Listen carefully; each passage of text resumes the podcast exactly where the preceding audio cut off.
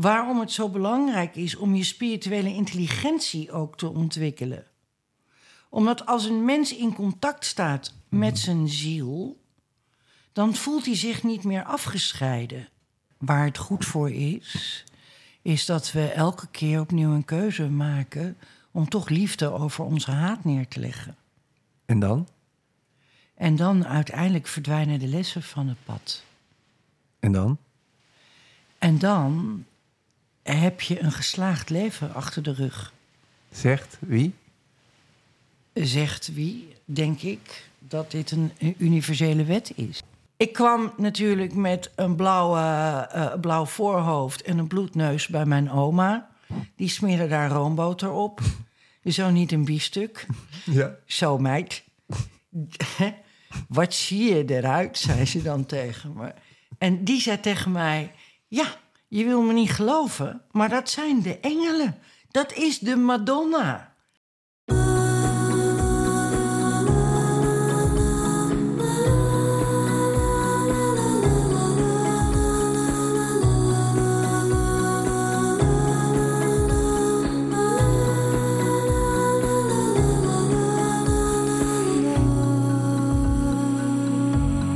Ik heet Philip Metz, levensgenieter, vragen stellen, filosofeerder.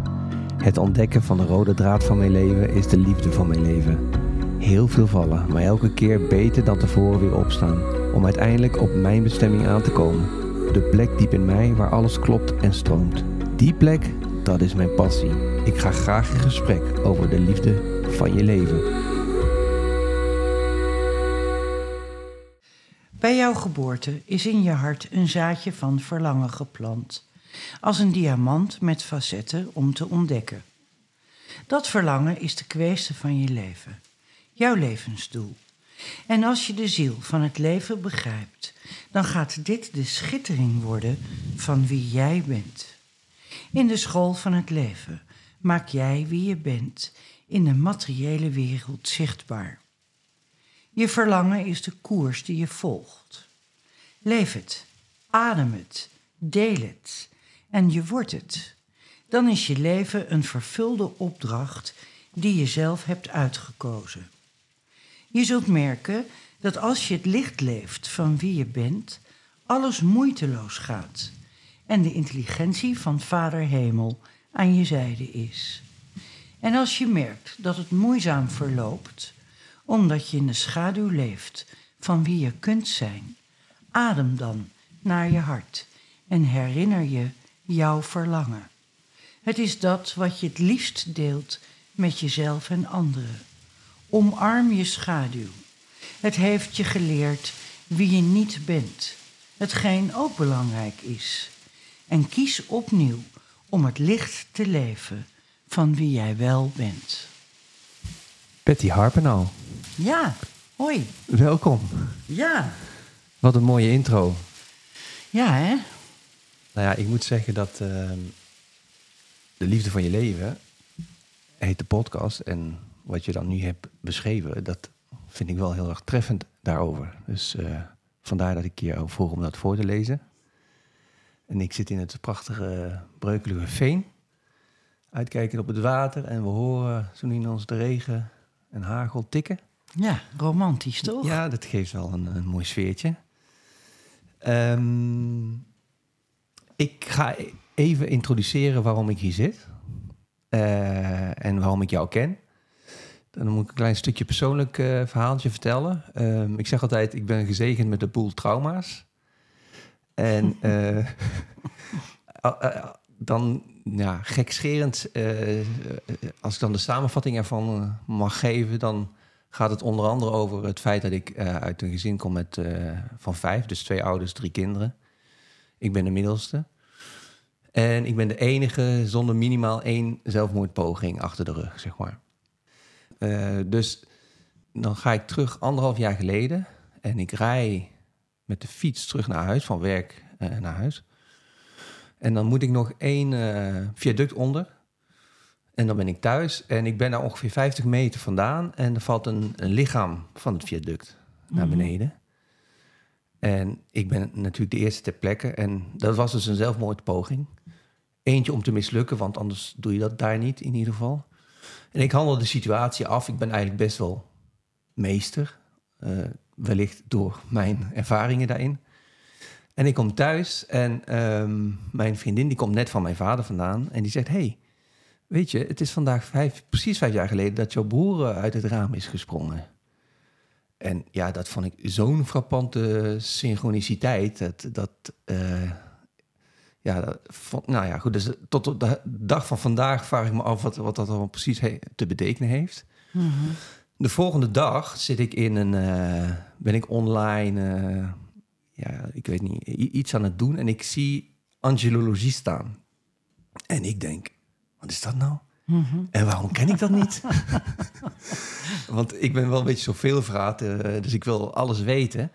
Dus ik, en ik begin dan ook meteen, oh, denk meteen een workshop online, diezelfde dag. En op een gegeven moment gaat het over levensboom. En ik, ik Ja. denk, oh, ik wil dat plaatje even printen. Dus eh, die, en dan google ik eh, op de levensboom, kom ik op jouw site terecht van Ja. Patty. En ik, ik denk even struinen en dan eh, zie ik een aantal opleidingen staan, waaronder eh, Spiritual Master. Ja, Ik dacht, oh, die moet ik volgen. ja, En ik schrijf me dezelfde dag in. Jij belt mij volgens mij ook dezelfde dag terug. En vrijdag zit ik aan de keukentafel in die Ja. opleiding. ja. Niet wetende eigenlijk wie Patty Harpje nou is. En het grappige is dat het ontvouwde zich zeg maar eigenlijk gedurende... want het, je komt dan om de zoveel tijd op een vrijdag bij elkaar. Ja. Dus in eerste instantie dacht ik, oh ja, dit is een kunstenares. Want eh, ja, daar hangen wat schilderijen van jou. En eh, even later begreep je, ja, hij heeft eigenlijk best wel veel boeken ge- geschreven.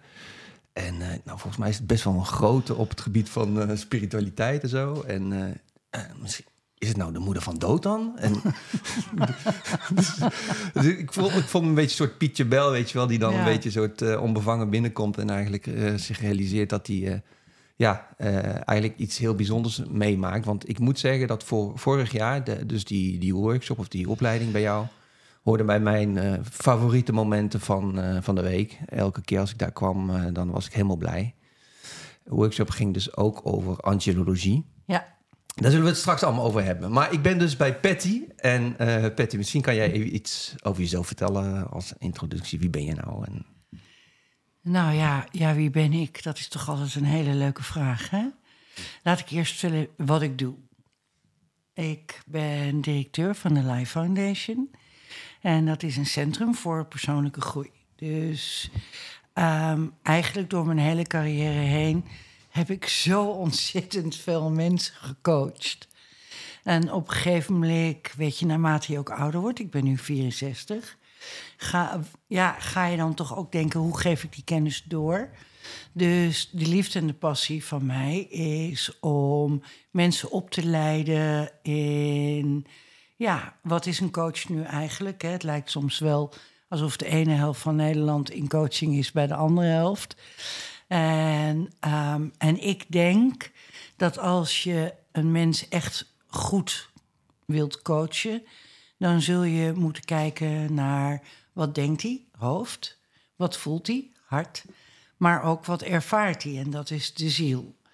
En daarin heb ik het grote voorrecht om coaches op te leiden, omdat ja, eh, waar zit het nu eigenlijk? Hè? Je gaat naar een coach niet om te vertellen dat het leven zo leuk is, maar je zit ergens mee. En ik denk dat je dan ook altijd op die drie niveaus eh, moet eh, kijken. En zonder al te wollig eh, te worden. Nou ja, je kent me. Ja, Ik ben redelijk aards. ja, En ook wel, denk ik, goed gevoel voor humor. ja. En, maar dat neemt toch niet weg dat ik toch altijd wel heel graag kijk naar wat bezielt een Precies, mens. ja. Nou, dat doe ik al jaren. En ehm, ik heb daar wel een lange reis in gemaakt. Veel gereisd ook met Deepak Chopra. Hè, beroemd eh, auteur en eh, arts. Op, op- op welke leeftijd was dat? Ehm, ik denk dat eh, ik was zo rond de 30 dat ik op een hotelkamer in New York zat voor een tentoonstelling. Want vroeger heb ik professioneel geschilderd. Tegenwoordig schilder ik met mensen. Dat is ook eh, echt fraai om Hoe te bedoel doen. je met mensen? Nou, tegenwoordig in coaching schilder je Oh, ja, met ja, ja. mensen. Ja, mooi. En toen zat ik op het randje van mijn bed in New York en ik dacht: iedereen vindt dat ik het nu heb gemaakt, maar waarom voel ik me dan zo kut? Oh Weet je wel? ja. En, en door stom toeval stond ik vijf dagen later ehm, in, een, eh, in een gallery. En daar stond een hele kleine eh, man naast me. En die gaf mij een hand en die zei: My name is Deepak Chopra. en, ehm, en dat was eigenlijk het begin van een eh, vriendschap. Dus door Deepak ben ik de wereld ingegaan van meditatie en spiritualiteit. En ehm, ook wel vaak in India geweest. Maar het was het niet wat ik zocht. Ik vond, eh, met alle respect, alle mantra's, hè, Om Ganesha, Sri en Nama, vond ik niet echt bij mijn westerse inborsten eh, passen. Het bleef een beetje altijd buiten me hangen. Ja. En waar ik naar op zoek was, was meer van binnen. En toen ben ik de wereld van Kabbalah ingelopen. Hè, dus, ehm, en inderdaad de kennis van de levensboom die jij eh, net eh, beschrijft. En dacht ik, verhip zeg, die levensboom. Dat is niet zomaar een ding. Dat is echt, echt een keiharde methode om het pad van je leven te begrijpen en daarin ook je potentieel te gaan ontwikkelen. Maar de levensboom is natuurlijk eh, een, ja, eigenlijk lijkt het op een onschuldige tekening met elf ballen, zullen we Ja, maar zeggen. ja, ja. Maar daar kan een kabbalist een leven lang eh, op eh, studeren. En van daaruit ben ik eigenlijk steeds die verdieping meer en meer gaan maken. En toen kwam ik eigenlijk in de wereld van angelologie terecht. En dat is eigenlijk een serieuze wetenschap. Het is de wetenschap van de engelen. Ja. Maar dan niet van die zwevende wezens met gouden pantoffels aan. Maar eigenlijk staat het woord engel voor een veld. Velden zoals liefde en heling en overvloed. Ja, en daar vond ik mijn thuis in. Nou ja, dan, jij kent mij een beetje, nooit half werk. Dus voordat ik het wist, zat ik in eh, Washington op eh, een faculteit eh, die daar les in geeft. Oké, Ehm, dat bestaat. Dat bestaat. Ja. Ik ben in Oxford geweest op de afdeling theologie. Daar zit echt een angelologist die les eh, daarin eh, geeft. En eh, lezen, lezen, lezen, zoeken, zoeken, zoeken. En, ehm, en toen dacht ik, ja, dit is echt de liefde van mijn leven. Hier ga ik ook les in geven. Ja. En, en zo ben jij ook op mijn eh, pad eh, gekomen. Dus ja, dat is wat ik doe. En wie ik ben, is hondenmoeder van eh, ja, nu drie honden. De vierde is onlangs overleden. Dat doet echt verdriet. ja, geloof ik. Moeder van twee grote zoons, maar ook moeder van een stel bonuskinderen. Ik heb het curieuze vermogen om een soort van eh, spirituele familie om me heen te bouwen. Dus Oh, zo. naast bloedverwanten beschik ik over redelijk veel zielsverwanten. Dus ik heb er maar druk mee met al die geadopteerde zussen en bonuskinderen. En eh, nou ja, mijn huis zit altijd eigenlijk vol met mensen die een duwtje in de rug eh, kunnen gebruiken. Voor de rest woon ik alleen, eh, bewust ongetrouwd, ook bewust vrijgezel. Ehm, ik heb mijn hele leven, eh, tot aan mijn zestigste, heb ik, eh, nou ja, toch wel wat relaties gehad, zullen we maar zeggen. Ehm, en op een gegeven moment dacht ik, hoe zou het zijn om mezelf alleen te leren leven? Dat vond ik in het begin, vond ik dat een ding omdat ik altijd gewend was om bij iemand Ja. te horen. En, eh, maar tot mijn grote verbazing is het ongelooflijk leuk. Want ja, eh, het maakt je ook een beetje asociaal. Hè, ik kan eten wanneer ik wil, Oh, zo, ja, ja. opstaan wanneer ik wil. Ik werk en schrijf. Hè. Ik ben auteur van 55 boeken inmiddels. Ik schrijf eh, heel graag in de nacht. En eh, ja, dat kan ik allemaal doen. Ja, Ja. Ja. Maar dan gaat dus nooit meer eh, dan eh, een relatie... Ja, je weet die nooit, maar Nou, ik als zeg, je eenmaal die vrijheid zo ervaart... ik zeg nooit nooit. Kijk, mijn partner is nu net, net aan het begin van de corona overleden. Dat vond ik echt wel een bittere pil, zullen we maar zeggen. Maar het is ook ontzettend nuttig om uh, bij jezelf te leren horen. En uh, nou ja, natuurlijk zijn er nog, zeg ik natuurlijk vrouwelijk. Hè, ik ben ook wel. nou, ik, ben, ik zie er nog niet uit als een vuilniszak. nee hoor, Patty. Nee, nee hoor. Dus er zijn echt wel heren die langs komen. Maar uh, ik denk dan altijd, uh, dat is recentelijk, dat ik denk: oh, wanneer ga je weer weg? Want ik wil dat en dat doen. Ja, precies. Ja, Ja. Dus dat is wat er dan uh, gebeurt. Ja. Dus wie weet, word ik ooit nog verliefd. Ja, oké. En eh, ik zeg niet dat het nooit gebeurt. Maar hij moet wel ontzettend leuk zijn. Ja, nou goed, dat geldt voor elke liefde in principe. Maar Ja. ik snap dat waar jij nu vandaan komt, dat je niet zomaar eh, dan eh, vrijheden weg gaat eh, geven, zeg maar. Nee. Nee. En jouw wieg staat in Amsterdam, stond in Amsterdam. Ja, Amsterdam Zuid. Amsterdam-Zuid, want je praat wel vaak over, die, over Amsterdam en zo. En Ja. kan je daar iets over vertellen, over jouw jeugd? Ehm, ja, eh, een groot huis. eh, hele hardwerkende moeder.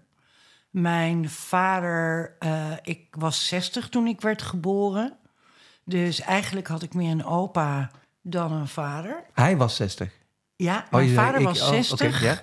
toen ik werd geboren. Hmm. Dus ik ben de Benjamin tussen echtscheidingen en eh, kinderen. En, eh, en dat heeft ook wel gemaakt dat ik eh, de meest ondeugende en leuke vader heb gehad die je kunt wensen. Die briefjes voor me schreef dat ik naar de tandarts moest. En dan gingen we stiekem lunchen bij Keizer. En, ehm, en ik, ik had ook wel het voorrecht dat, ehm, omdat ik eigenlijk eh, ja, zijn cadeautje was, hè, zo, dat zei hij dan tegen mij, en hij ook niet meer werkte, Oh ja. dat ik de mazzel heb gehad dat hij heel veel tijd eh, aan mij heeft eh, besteed. En ehm, ja, ik heel dankbaar ben dat, ja, dat ik, weet je, hij is overleden toen ik 18 werd. Maar die 18 jaar heeft hij enorm goed gebruikt. Dus, en- Want is het dan ook de vader een beetje die je hebt in het boek? ja, Ja, hè? ja. Ik jat voor alle boeken. Ja. Ik ben een gevaar. Ik jat allemaal personages. En, eh, want ik schrijf graag mijn boeken in verhaallijnen. Omdat veel zijn, veel, vaak zijn spirituele boeken zo van ta ta ta ta ta ta ta. Weet je wel, dogmatisch. En, Ja, ja. En, en ik vind dat spirituele kennis moet eigenlijk vrijblijvend eh, eh, Oh zo, ja. Zijn. het is gewoon een roman, toch? ja, dus ik schrijf, daar wordt mijn uitgever af en toe een beetje wanhopig van. Een mengeling van fictie en non-fictie. En, En dat vind, ehm, vind ik verwarrend, want, ja. want ik probeer me dan voor te stellen... heb je dan echt zo'n oma gehad of zo? Of eh, waar komt die Kabbalah-kennis van? Of eh, angelologie-kennis vandaan? En, Nou, kijk, 90% eh, zijn de verhalen in mijn boeken natuurlijk waar. ja, Omdat, kijk, je kunt een goed boek kun je schrijven als je het zelf hebt geleefd. Anders worden het letters op papier. Dus je moet de emotie erin kunnen voelen. Je moet de bezieling. hè, het verhaal moet je pakken. Maar ik vind het ook wel leuk om mijn lezer mee te nemen op een reis. ja. En wat ik doe, ik doe iets gluiperigs in mijn boeken. Is dat eh, eigenlijk als je alle boeken op elkaar, en, hè, dus die 55 boeken, als je die op elkaar zou schuiven, dan is het één verhaal. Maar in elk boek neem ik een afslag. Aha. Dus daardoor kom je altijd dezelfde pers... Of vaak. Ja, ja, ja ik, snap, ik snap het. Ja, Ja. Want ik, ik heb er dan twee gelezen. Deze en de vorige. De, Twee maar. Ja, sorry meid. Life coach. Ja, de live code. en daar, daar waren parallellen. Ja, Eh, Dus ik was eh, verwar- in verwarring ook soms. Van, Ja. eh, Oké, maar dat verklaart dus... nou ja, het is net als bij een toneelstuk. Hè? Dus dan bijvoorbeeld de hoofdrolspeler uit de live codes... verdwijnt in de Madonna-codes naar achteren... En de figuranten Ja, uit de ja, ja, live ja. codes Ah, worden dan de hoofdrolspelers in de Madonna-codes. Ja.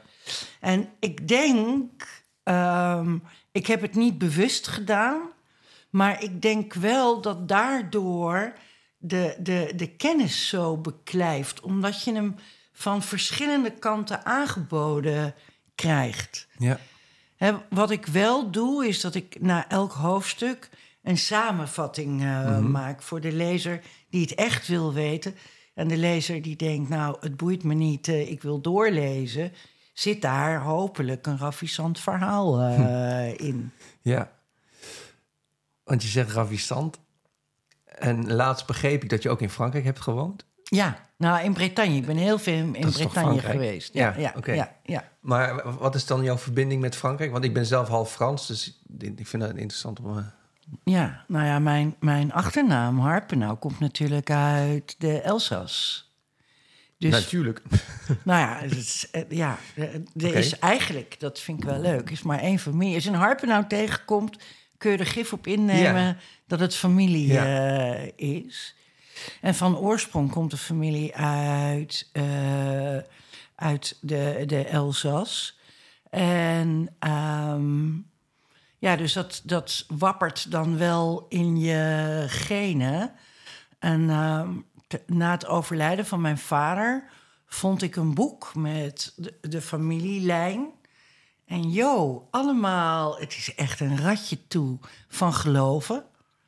Het is echt, eh, het is eh, katholiek, het is joods, het is ehm, eh, eh, eh, uit de Kataren als je Ja. terug Oh, gaat.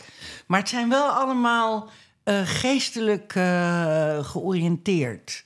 Dus Ja. in de familieziel zit wel een diepe spiritualiteit. Nou, ik kwam toevallig op Ben Harpenau. Ja, mijn Ben. Ja, en ik, ik had zoiets van, misschien kunnen we een nummertje draaien of zo, maar misschien plak ik dat er- erin. Of Ja. zo. Maar, en die had een fantastisch mooie docu. Eh, Ja. Wat een gevoelige kerel was dat. Ja, ja. En die, die, heeft, die was best wel, eh, nou ja, letterlijk en figuurlijk gehandicapt, zullen we maar zeggen. Ja, ziekte van Hunter. Ja, en die, maar die, ik vond echt dat hij wel de code van zijn leven heeft gekraakt, zeg Ja, maar. Want ja. hoe die daarmee omging en hoe positief en mooi die, ja, echt petje af. Ja, nou ja, kijk, dat is wel misschien mooi om over Ben te vertellen. Want Ben is de zoon van mijn oudste broer. En mijn, mijn, omdat ik de jongste ben, had ik een broer, bijvoorbeeld de vader van Ben, voordat hij overleed. Dat is geloof ik nu drie jaar geleden, was hij eh, 84. Oh ja. Dus ja, weet je, de- eh, omdat ik, er zit natuurlijk heel Ja. groot leeftijdsverschil tussen. Ben was maar een paar jaar jonger dan ik. En toch was ik zijn tante. Ja. En Ben, omdat hij die ziekte van Hunter had, hè, waarbij ouderdom eigenlijk intreedt bij het moment van geboorte, speelde piano met zijn knokkels. Hij had nog twee knokkels die het deden. En kreeg hij, eh, het, eh, eh, kreeg hij het voor elkaar om Cor Bakker, hè, Ja. beroemd pianist, en Stefan Bos zijn teksten te laten zingen en spelen. En, en vanuit al die jaren, want eh, reken maar dat hij geleden Ja, ja, heeft. geloof Hij heeft ik, ja. echt geleden. Maar ehm, met een blijmoedigheid en een moed en een onverzettelijkheid. Waarin hij zei: Ja, ik heb misschien Hunter, maar ik ben het niet. Mooi, ja. Ja, en is hij wel echt een voorbeeld geweest voor de familie. En hij is vorig jaar overleden. En ehm, nou, ik weet zeker dat... eh, hij noemde God Gerrit. Dat oh, was- komt dat daar vandaan? Ja, dat Oh, komt daar vandaan. Ja, ja, ja want jij noemt God altijd ook ja, Gerrit. dus- ja, dat heb ik gejat van Ben. ja. Maar ik weet zeker dat Gerrit bij de poort stond te wachten... en dat kom er bij. een extreem bijzonder eh, mens eh, Ja. terugkeerde naar de hemel. Nou, ik zou sowieso dan in de show notes eh, een link naar die docu eh, Ja, zetten. Ik ben dat ik ben. Ja, ja, ja. Ja. echt hele gevoelige eh, muziek. Ja, mooi. Maar goed, dat, daar kwam ik op omdat jij zei van er zit ook gewoon een soort diepgang in mijn ancestors Ja. verhaal. Dus dat, ja, dat, dat zit gewoon in die lijn. Ja, En ehm, want angelologie, dat is dan op een gegeven moment op jouw pad gekomen. Maar dat zit dan niet uit- in jouw lijn. Dat Nou- is gewoon echt extern, toevallig.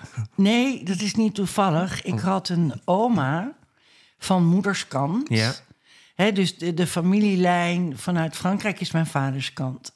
Mijn moeder komt uit een heel simpel gezin uit de Jordaan, Amsterdam.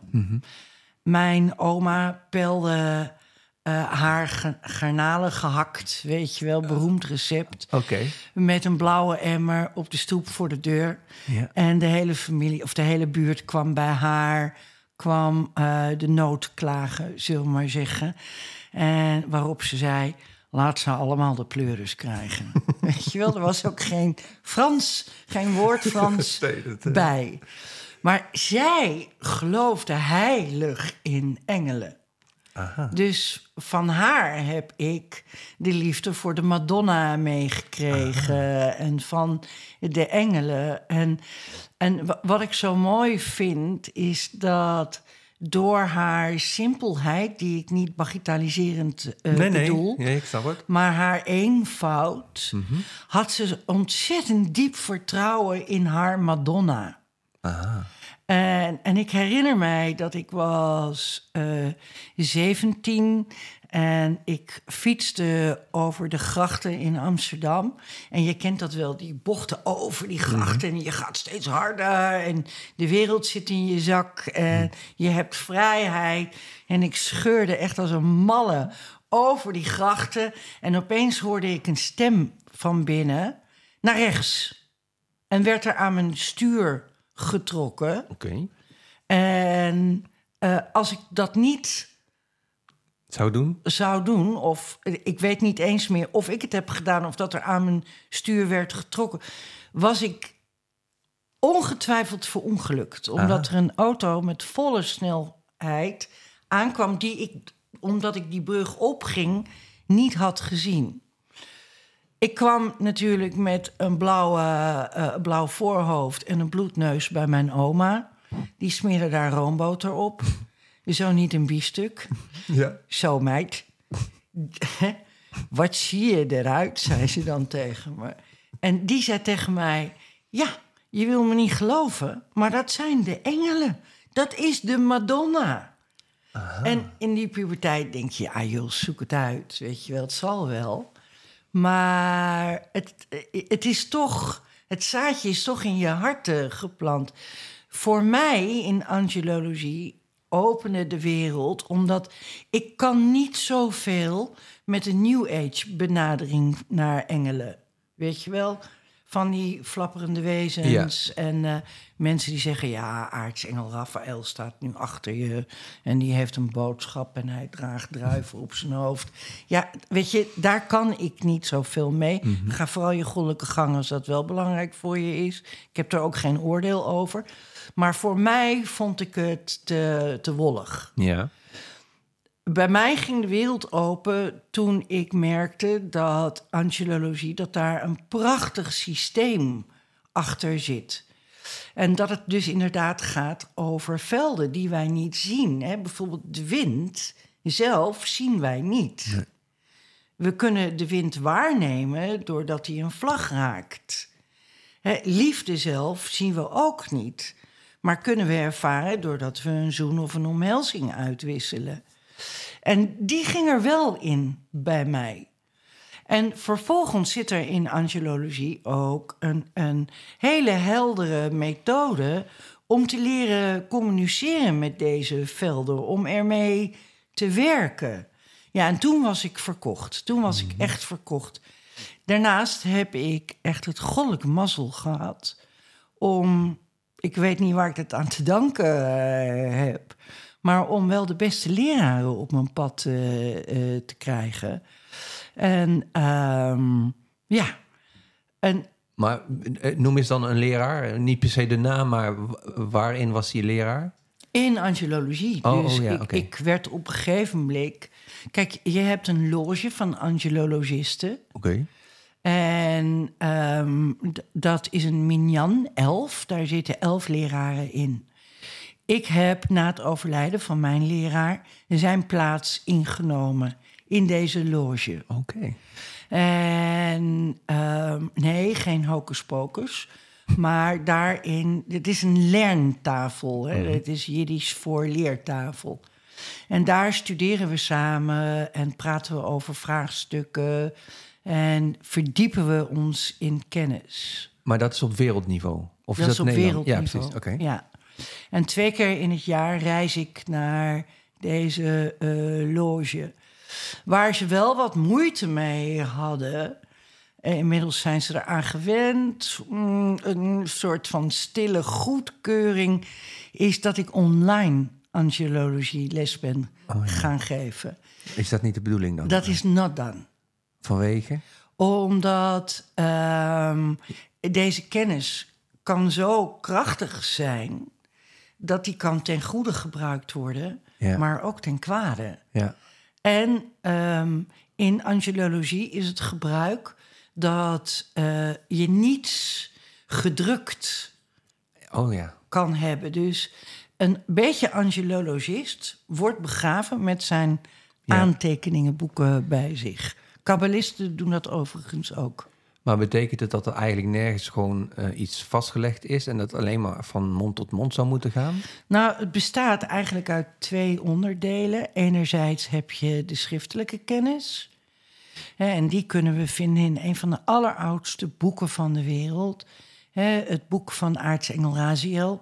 hè, Het testament van Adam. Dat is het boek waar Hitler naar op zo- zoek was? Ja, dat was het boek waar Hitler naar op zoek was. Omdat daar de klanken in staan waaruit zielen worden samengesteld. Ja. Dus wij, wij mensen zijn eigenlijk frequenties. Hè? Mhm. Dus als je door onze velletje heen kijkt, dan zijn we opgebouwd uit klanken. Ja. En ziel is, is eigenlijk een hele hoge melodie. Oké, dat is ook een mooie beschrijving. Ja.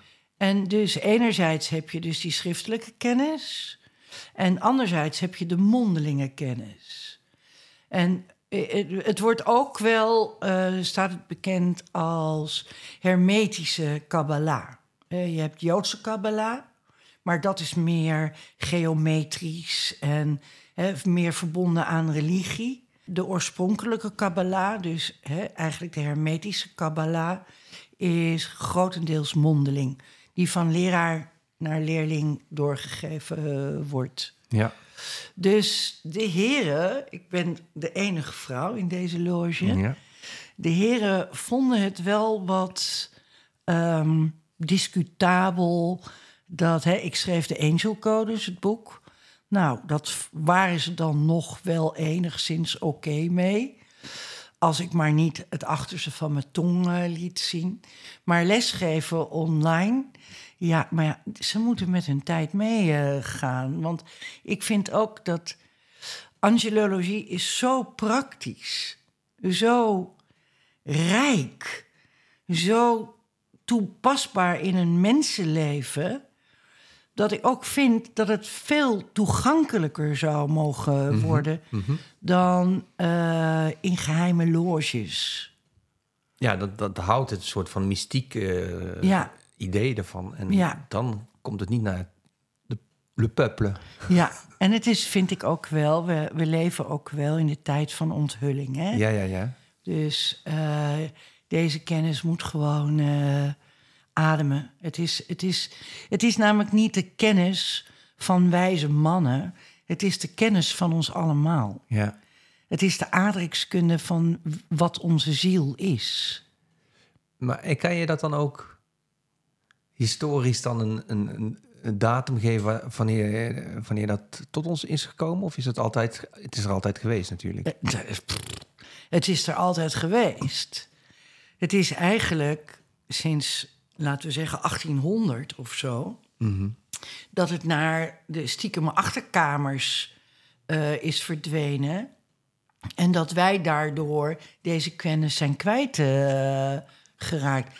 hey, Da Vinci schreef zijn aantekeningen in het Engelenschrift, in het Thebaanse Oh schrift. ja, dat heb je al verteld, ja. ja. De, de Medici-familie waren de, de, de allergrootste eh, eh, ja, denkers en voorstanders van angelologie. Maar op een gegeven moment is het weggehaald. en dat is denk ik ook wel door komst van religie. Religie, ja, ja. Aha, oké. Dus eh, jij helpt het in ieder geval weer terug de wereld in. Online? Eh, Ja, ik, ik hoop, ik, ik doe mijn best. Ja. En, eh, maar ik doe het wel. ehm, ik- kijk, weet je, ik ben er heel lang veel te bescheiden in geweest. Dat klinkt vreemd. Maar jij hebt ook bij mij aan de keukentafel gezeten. Dus ik deed het aan de keukentafel, omdat ik dan ook wist aan wie ik les gaf. Online heb je daar minder controle over. Maar dan denk ik maar, weet je, eh, daar wordt dan ook voor gezorgd. Nou ja, ik zou, ja, zou je het kunnen misbruiken echt? Want Ja. dan wordt het toch ingegrepen? Of, Eh, ja, maar eh, de, een van de grootste eh, legendes is dat Hitler natuurlijk op zoek was Ja. naar deze kennis. maar had hij daar, denk, denk je wel, iets mee kunnen doen dan? Ja, daar had hij zeker wat mee kunnen doen. Ook omdat Hitler, hè, eh, mogen zijn naam verbannen worden, zeg- zeggen wij dan, is dat eh, ehm, een hele hoge spirituele intelligentie Ja, eh, ja. had. Dat weten weinig mensen van hem. Maar al zijn symbolen komen uit tradities. Oh ja. Hij at ook vegetarisch. Hij wist heel veel van Ayurveda en, Oké. en, en het, Nou, nou, ik heb daar wel even een vraag over. Eh, het, het, eh, goed, het goede en het kwade. ja. Hoe zie jij dat? Is er, be- bestaat er een... Die twee naast elkaar? Is het de bedoeling dat het Ja, naast elkaar bestaat? Of, ja, ja, ja. Het is het licht en de schaduw van Ja. wie we zijn. Hè? Een mens leeft het minste, maar ook het mooiste van zichzelf. En dat verandert als mensen begrijpen wat het hun leert. Wat de schaduw van wie ze zijn, wat het hun leert. Hè, eh, het leven is een levensechte school. Waarin wij zowel op ons levenspad, hè, de- eh, eigenlijk in onszelf, die diepe schaduw tegenkomen. En die verwijderen we doordat we begrijpen dat het, wat het ons leert. En als we daar licht op kunnen leggen. Ja, oké. Nou, die, die snap ik. En ik denk, als mensen wat, wat vaker luisteren... dan kom, is dit ook een thema wat vaker terugkomt. Eh, mijn vervolgvraag zou zijn, zeg maar... gaat dit ergens heen? In de zin van. Waar is het goed voor, wat we hier doen? Ja, waar het goed voor is, is dat we elke keer opnieuw een keuze maken om toch liefde over onze haat neer te leggen. En dan? En dan uiteindelijk verdwijnen de lessen van het pad. En dan? En dan heb je een geslaagd leven achter de rug. Zegt wie? Zegt wie, denk ik, dat dit een, een universele wet is. Ja, zo. Die komt van het, zeg maar, het hoogste ja. niveau. ja. Alleen de schaduw slikken we vaak in naar onszelf. Ja. Daarom zijn mensen ook destructief. Mhm. Hè, dus naar de buitenwereld schijnen ze heel eh, fel hè, het mooiste van zichzelf. Maar naar binnen verrekken ze het om van zichzelf te houden. Of hun gaven te kunnen zien. Of hun potentieel eh, te leven. Omdat ze diep van binnen vinden dat ze het niet verdienen. Ja, dus, dus je, je blokkeert eigenlijk je levensstroom door één, één deel van jouzelf Ja. af te wijzen. Ja, Ja. nou niet een deel, een groot deel van jezelf af te wijzen. Voor iedereen geldt dat, vind jij dan? of Voor zo? iedereen geldt oh, dat. Ja. Voor iedereen geldt dat. Ja. Wij mensen doen de meest briljante dingen, maar ook de meest stupide dingen. Mhm. ja. De vraag is, wat leer je daarvan? Ja. Dat is de vraag. Oké, en ehm, jij hebt me toen best wel iets verteld wat mij wat rust gaf. Oh, gelukkig. Ja. Ik zeg eh, ook nog zinnige dingen. zo je nu zegt en ook, ja, zeker, zeker. Ja, nou, weet je, even een kleine inter- intermezzo. Ik heb eh, begin dit jaar een soort spirituele crisis gehad. En ik dacht, wat het allemaal voor verhalen en allemaal bullshit. En eh, eh, Ja. wat, wat ben ik eigenlijk aan het doen? Maar als er echt een verhaal is, één verhaal is waar ik in zou eh, mee willen gaan, dan vind ik dit wel het mooiste verhaal om in mee, in mee te gaan.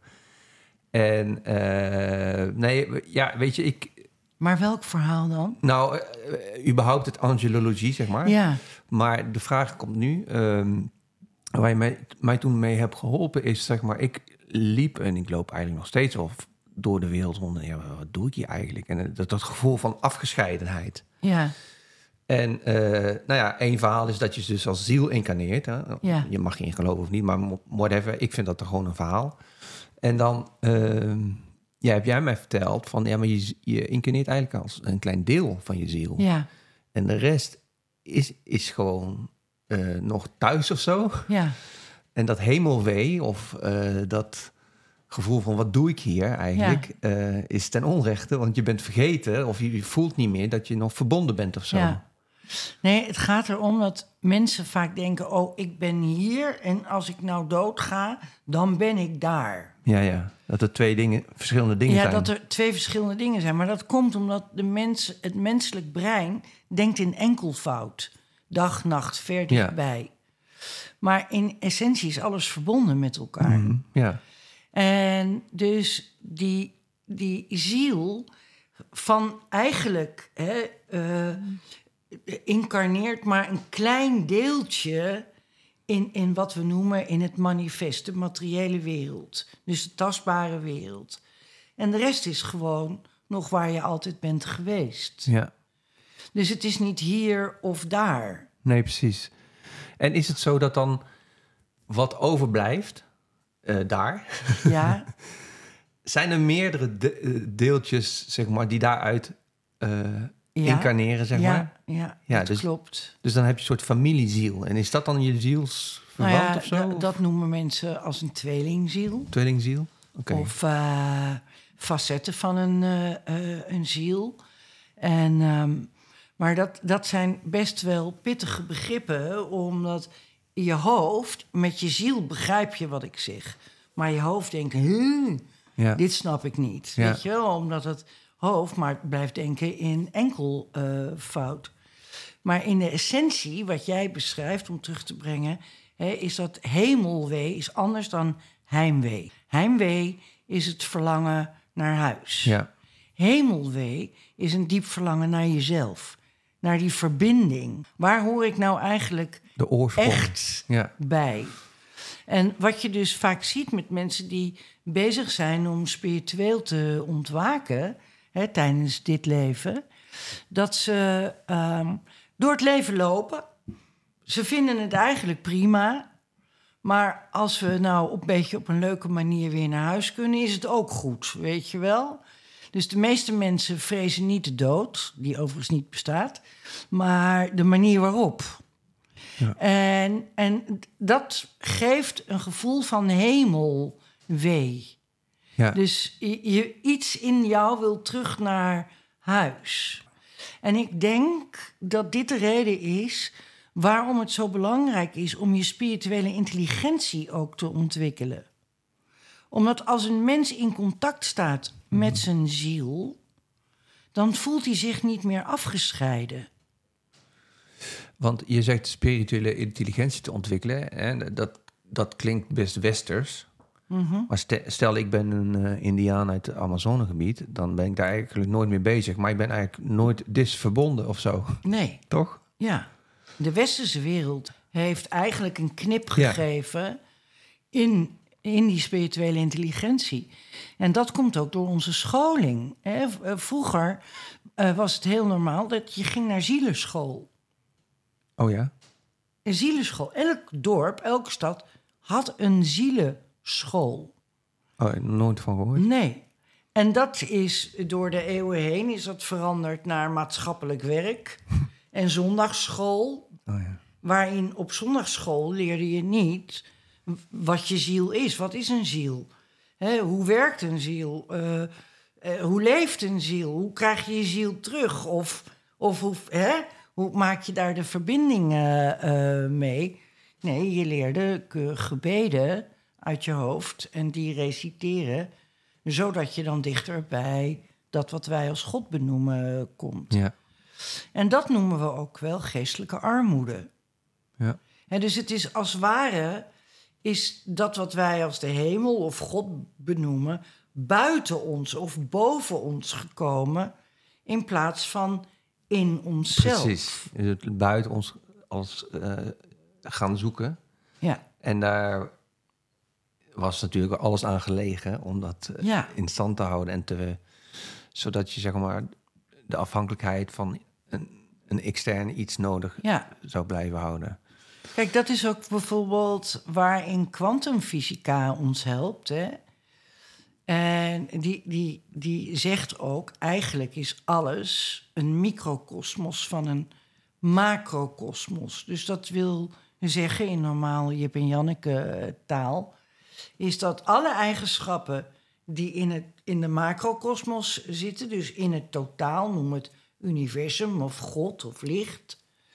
dat die, al die eigenschappen ook in jou zitten. Ja. Dus eh, eh, eh, eigenlijk eh, ben jij eigenlijk alles in essentie. Nou, en hier komt angelologie weer door de bocht. Is die leert je, want er werd vroeger gewoon volop les gegeven in angelologie. Die leert je om dat potentieel weer te ontwikkelen. Kijk maar eens naar je DNA, een foto van een DNA. Mhm.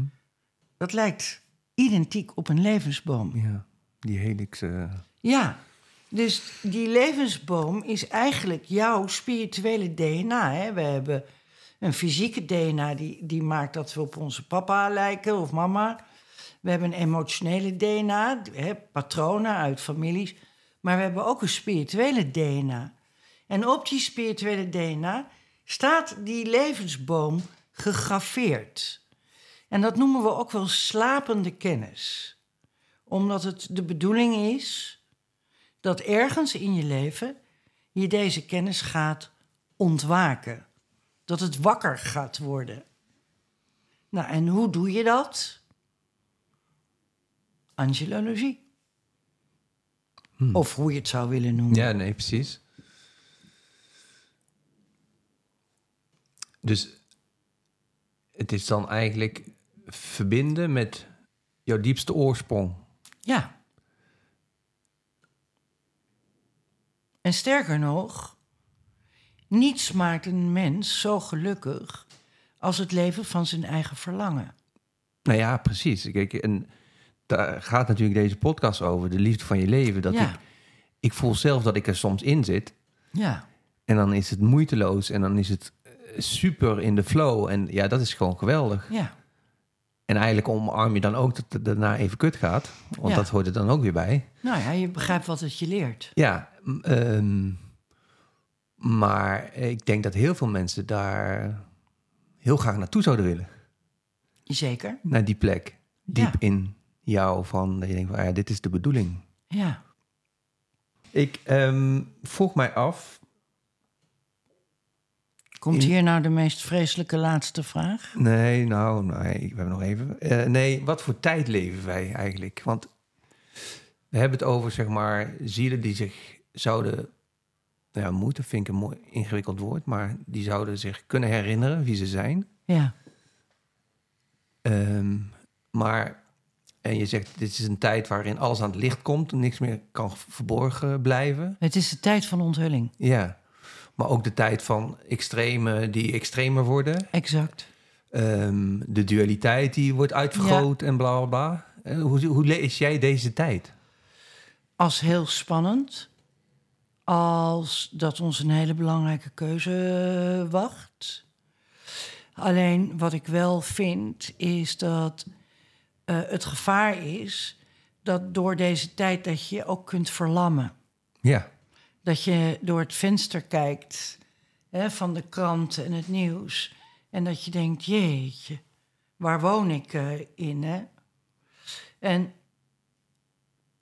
het gaat erom dat je je niet laat verliezen in die buitenwereld. Dus dat je in die binnenwereld blijft. Nou, maar die vind ik ingewikkeld, want het is wel een spel tussen binnen en buiten. Want ik, Ja. als ik alleen maar in mijn binnenwereld blijf, ja, dan, eh, dan heeft het hier ook, eh, heb ik hier ook ni- niks te doen Maar- eigenlijk. Wie bepaalt de buitenwereld? De binnenwereld, toch? Ja, ja, nee, oké. Zo binnen, zo Ja, buiten. precies. Nee, je begint hier, bedoel je? Ja. Ja, ja. ja.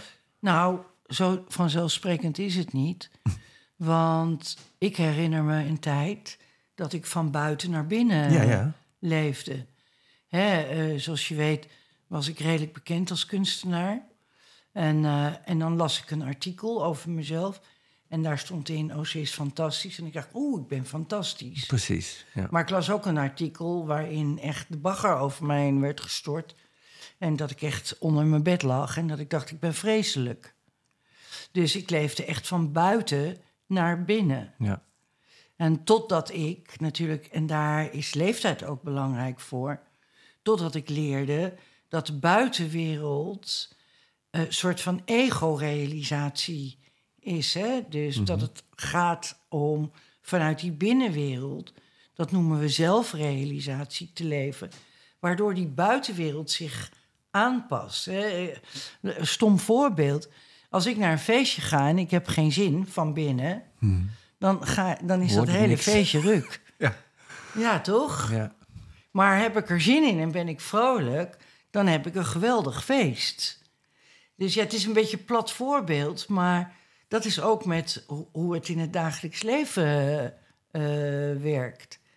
En hoe meer mensen van binnen naar buiten gaan leven en daarmee die energie van, ja, eh, vriendelijkheid, compassie. Hè? Je hoeft helemaal niet wollig eh, te zijn, eh, geen oranje jurk eh en Mhm. hoedoe voedoe. Maar daarmee veranderen we inderdaad wel het weer, het energetische weer. Maar jij klinkt optimistisch.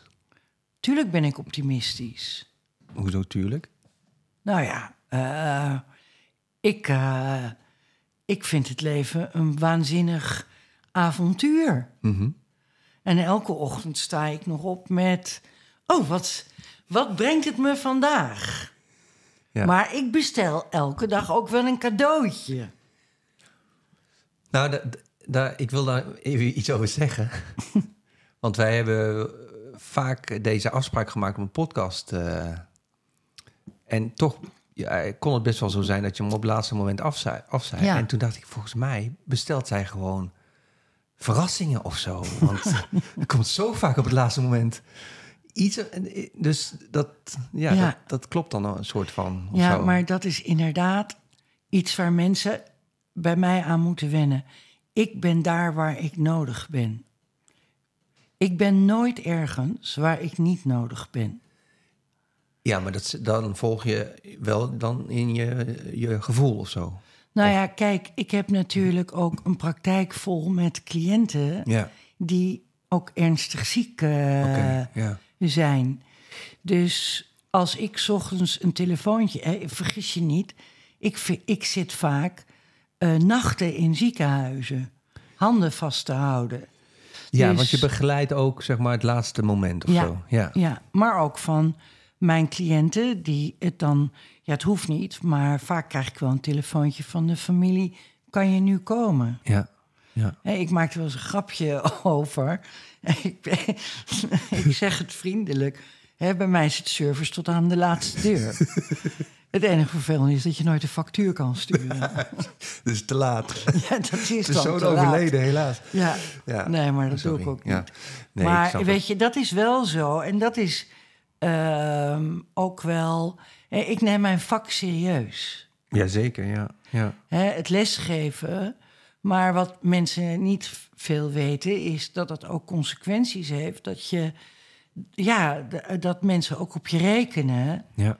En, en het kan zomaar zijn dat eh, de telefoon gaat en de hele agenda. En Mijke wordt er af en toe helemaal gestoord van. Dat de hele agenda omswitcht. Ja. En, eh, en dat is gewoon omdat ik prioriteit geef. ja.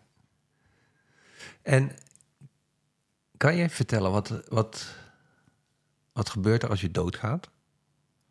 Als je overlijdt? In essentie helemaal niets. Oké. In essentie helemaal niets anders. Nou, maar je hebt wel eens een proces beschreven van eh, het bed vrijmaken aan het voeteneind. Of ik, ja, ik weet niet, dat mensen misschien bang zijn. Of, Nou, dat is het. En de meeste mensen vechten het hardst tegen zichzelf tijdens Ja. het sterven. ja. Omdat, kijk, en, en, en ik heb wel eens voorgesteld om op een lagere school les te komen geven in de dood. Ja. Eh, maar ik werd niet Nee, uitgenodigd. tuurlijk ik niet. begrijp het. Nee, natuurlijk niet. Maar in essentie, Oh, wat jammer. wel beschouwd, zouden we daar wel eh, les Ja, in eh, moeten krijgen. Hè, een van de meest eh, een schrijfster, zij leeft zelf niet meer. Elizabeth Kupfler-Ross heeft baanbrekend werk verzet om uit te leggen wat de dood is. En haar boeken worden ook altijd gekocht door mensen die een stervensgeval Oh ja. in de buurt eh, hebben, omdat ze zo eh, troostend eh, zijn. Dus ik zie ook vaak dat mensen in het moment dat ze overgaan, zo tegen zichzelf knokken. Terwijl hè, wij, wij denken, misschien kan ik het simpel uitleggen. Hè, wij denken altijd aan een ziel als een geheel. Maar in essentie heeft een ziel lagen. We hebben bijvoorbeeld de animale ziel. En die animale ziel, dat is de eerste laag, daar zit ons instinct in. Dus als er paniek uitbreekt in een voetbalstadion, dan, eh, dan zonder dat je weet wat er aan de hand is, ruik je dat je daar weg moet. Dus dat is die animale ziel. En die tweede eh, eh, laag van de ziel, daar zit onze koers in, onze levenskoers. En, maar ook eh, emoties en gevoelens van schuld. Dus als we overgaan, dan leggen we die eerste drie lagen van die ziel af. Die horen bij het leven. Ja. En dus we kijken niet eh, vanuit angst of pijn of verdriet. Da- en daar zijn mensen bang voor. Ja. Om een, een heel diep eh, verdriet te ervaren, of angst of schuld. Hè, daarom wordt er in religie gebiecht. Want dan kan je rustig sterven, eh, zullen we maar zeggen. En ik doe dat ook wel eens met mijn cliënten. Dan doe ik de zielenbiecht met ze. Oké. Weet je wel, biecht maar naar Ja, mij, vertel ja. maar. En lucht je eh, Ja. hart. Alleen als je dan overgaat. Hè, ik, ik zeg wel eens tegen mensen: kun je in je verbeelding je rechtervoet uittrekken? Ja, dat lukt. En kun je dan ook je linkervoet uittrekken? Ja, dat lukt ook. En kan je dan je buik en je schouders uittrekken? Ja, dat lukt ook. en dan zeg ik: kan je je hoofd afzetten? Oeh. Maar dat lukt ook. En dan zeg ik: je bent er nog. Je hebt je lichaam uitgetrokken, maar je bent er nog. Ja. En dat is een oefening die ik vaak doe met mensen die heel bang zijn voor de dood. Nou, en dat wat overblijft, hè, dus die verpakking, het is net de Kingcorn eh. Het enige wat je weggooit is de verpakking. Dat lichaam blijft achter. En dat wat eigenlijk ontastbaar aan jou is, maar er wel is omdat je het kunt ervaren, dat heeft die eerste drie lagen van de ziel losgelaten. En dan kijk je terug op je leven, maar dan niet vanuit oei of fout of auw, weet je wel. Ja. Je kijkt terug naar het meervoud van je leven. Dat dus is? je kijkt net als de hele tom-tom.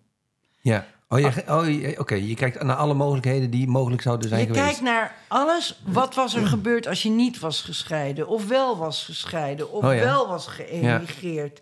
Dus je kijkt gewoon naar het totale plaatje. En dan zie je eigenlijk daartussen jouw pad daarin. Dan zie je jouw pad. En dan denk je, verhip zeg. Wat dan? Dat had ik allemaal kunnen doen. Ja, waar is het dan ook eh, spijt of zo? Of? nou, nee, want dat, heb, dat voel je niet. Maar het is meer dat je...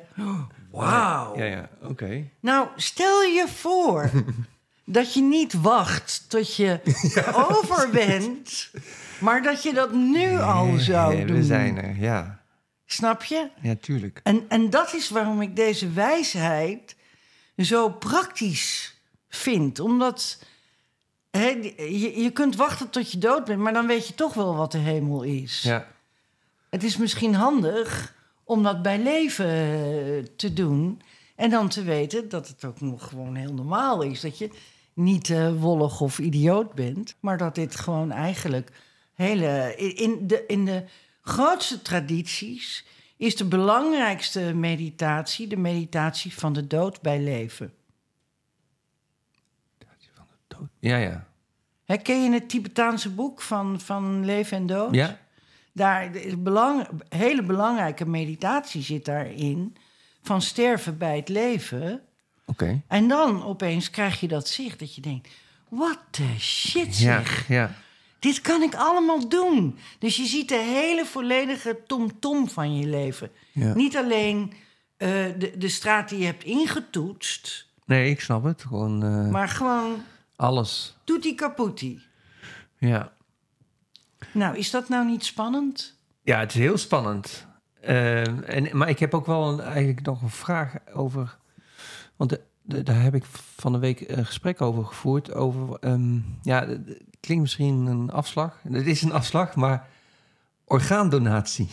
Ja, het is heel ingewikkeld. Het eh, voelt, me, voelt bij mij niet goed of zo. Ook al zou ik mijn kind er- daarmee redden. Maar hoe, snap jij dat ik dat voel? Nou, er is ook heel terecht heel veel onderzoek gedaan naar mensen die bijvoorbeeld een hart hebben gekregen, een donorhart. Ja.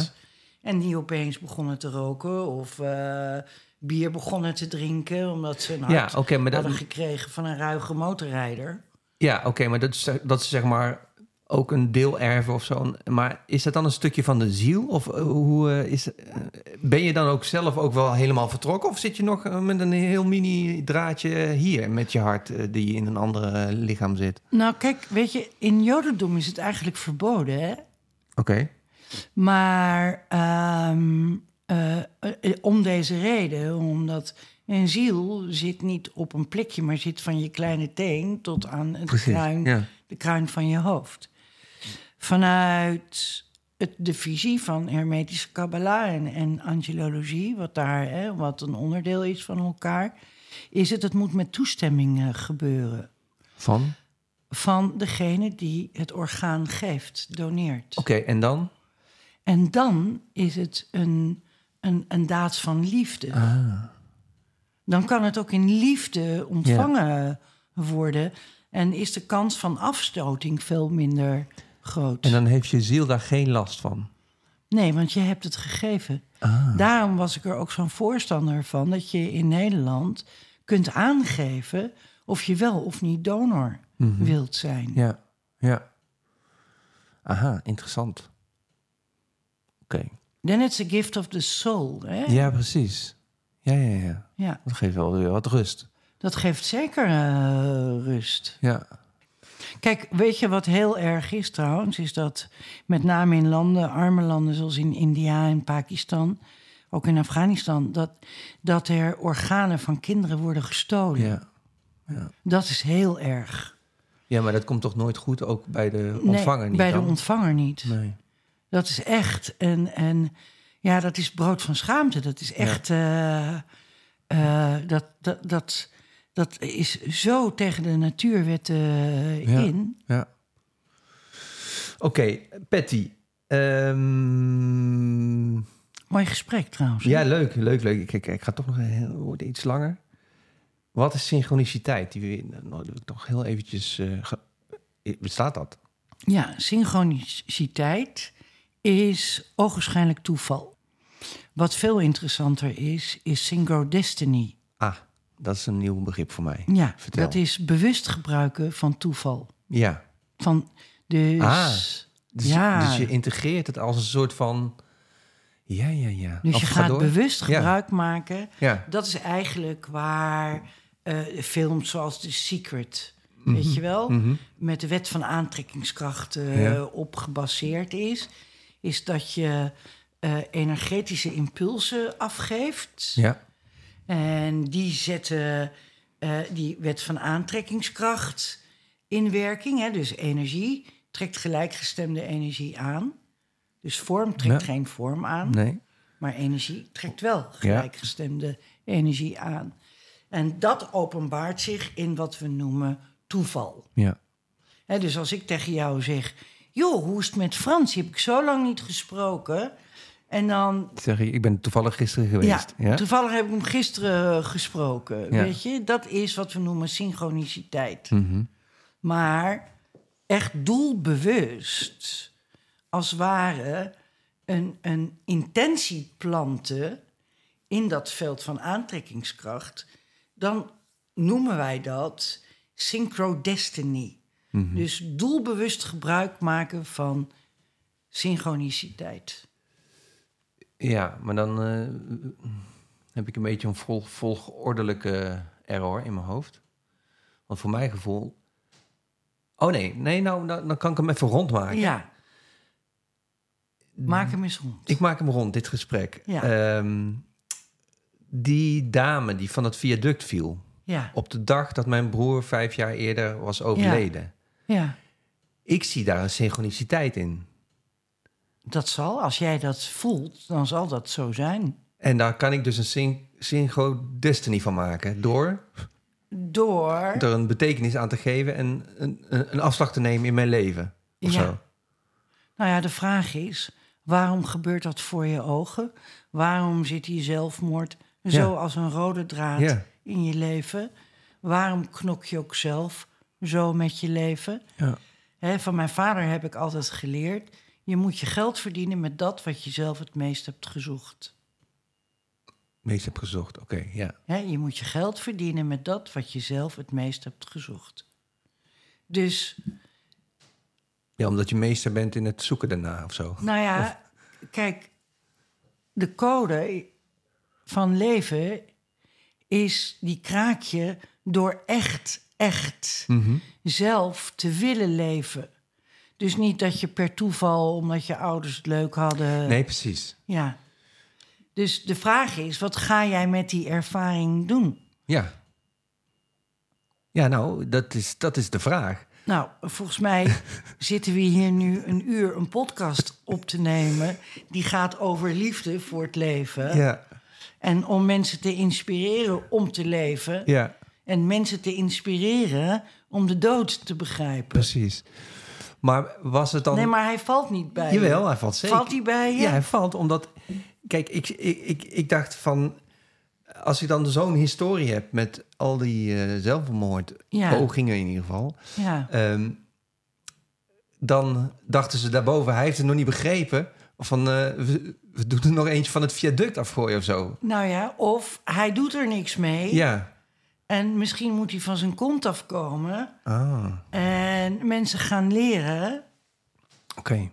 hè, hoe ze beter en mooier kunnen leven. Ja. Daarom zei ik ook, weet je wel, je kunt wachten tot je dood bent... om alle mogelijkheden van je Ja, ja, leven te precies. zien. Of ze nu alvast... Maar eh, nu eh, het avontuur eh, Ja, aangaan. mooi. En, en hoe gaaf is dat? Ja, dat is cool. Ja. En het is, misschien is het ook geen toeval dat de dag daarna jij mij per toeval tegenkwam. Nou, ja, goed. eh, je- Die hele week voor mij is een hele bijzondere aaneenschakeling Ja. van eh, zeer intense dingen, zeg maar. Weet je trouwens dat er ontzettend veel mensen zijn die geen idee hebben wie ik ben en die bij mij een cursus volgen online en dan erachter komen Oh. Van oh shit, ze is auteur van 55 boeken. En dan, dan weet ik. Ja, die komen, it's- die komen voor iets It's anders. meant niet- to ja. be. It's meant Ja, to be. Dat, ja, ja, precies. Ze komen niet poppen kijken of ik van die leuke bruine ogen ja, ja, heb. ja, ja, ja. Ze komen echt omdat, omdat er dan een antwoord eh, is wat ze eh, zoeken. Oké, wat ga jij, eh, wat wens jij je de- jezelf de komende eh, tijd toe? Oh, wat wens ik mezelf de komende tijd toe? Ehm, ja, kijk, weet je, de liefde van mijn leven is lesgeven in angelologie. Ik vind niks mooiers. Ja, Ik leef het, ik adem het. Ik, eh, dus ik wens het mezelf toe om, nou ja, totdat ik 120 word, ja. om dit te mogen doen. En zit daar, want jij, ver, jij verbetert, verandert constant ook wel het, Ja, jouw lesmateriaal. Er zit echt een ontwikkeling in. ja tuurlijk. Ja, ja, nou, oké. Ja. Omdat de, eh, weet je, eh, de never-ending story. Angelologie is een never-ending Nee, ja, story. dat geloof ik, ja. ja. Ik heb wel eens mensen die doen voor mij een opleiding van zes dagen. En die zeggen dan, nou, nu ben ik een angelologist. en dan denk ik, schat, je komt net uit het ei, weet je wel. Maar het is ook de meest weergaloze hobby Ja. die je kunt hebben. Want het stopt nooit. Elke keer als ik denk, nou, nou denk ik dat ik het wel zo'n beetje weet... dan poft. Dan denk ik, shit, Ja, precies. shit, ik weet niks. Oh ja, maar dat is zo herkenbaar. Ja. ja. Mooi. Nou ja, ik moet zeggen, eh, we gaan wel naar een einde toe. Maar ehm, ondanks dat ik ook probeer sceptisch te blijven, zeg maar, in alles wat ik zie en doe. En, eh, maar ik sta altijd heel ruim open.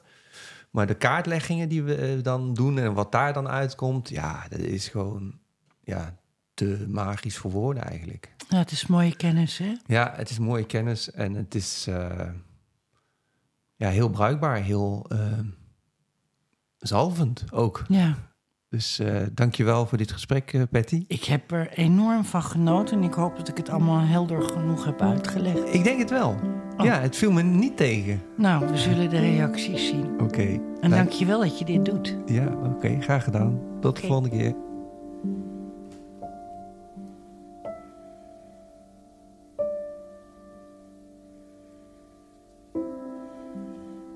Klein, klein kereltje. Blond blij met de dag. Nu ben je ouder, waar is je lach? Kende je van vroeger,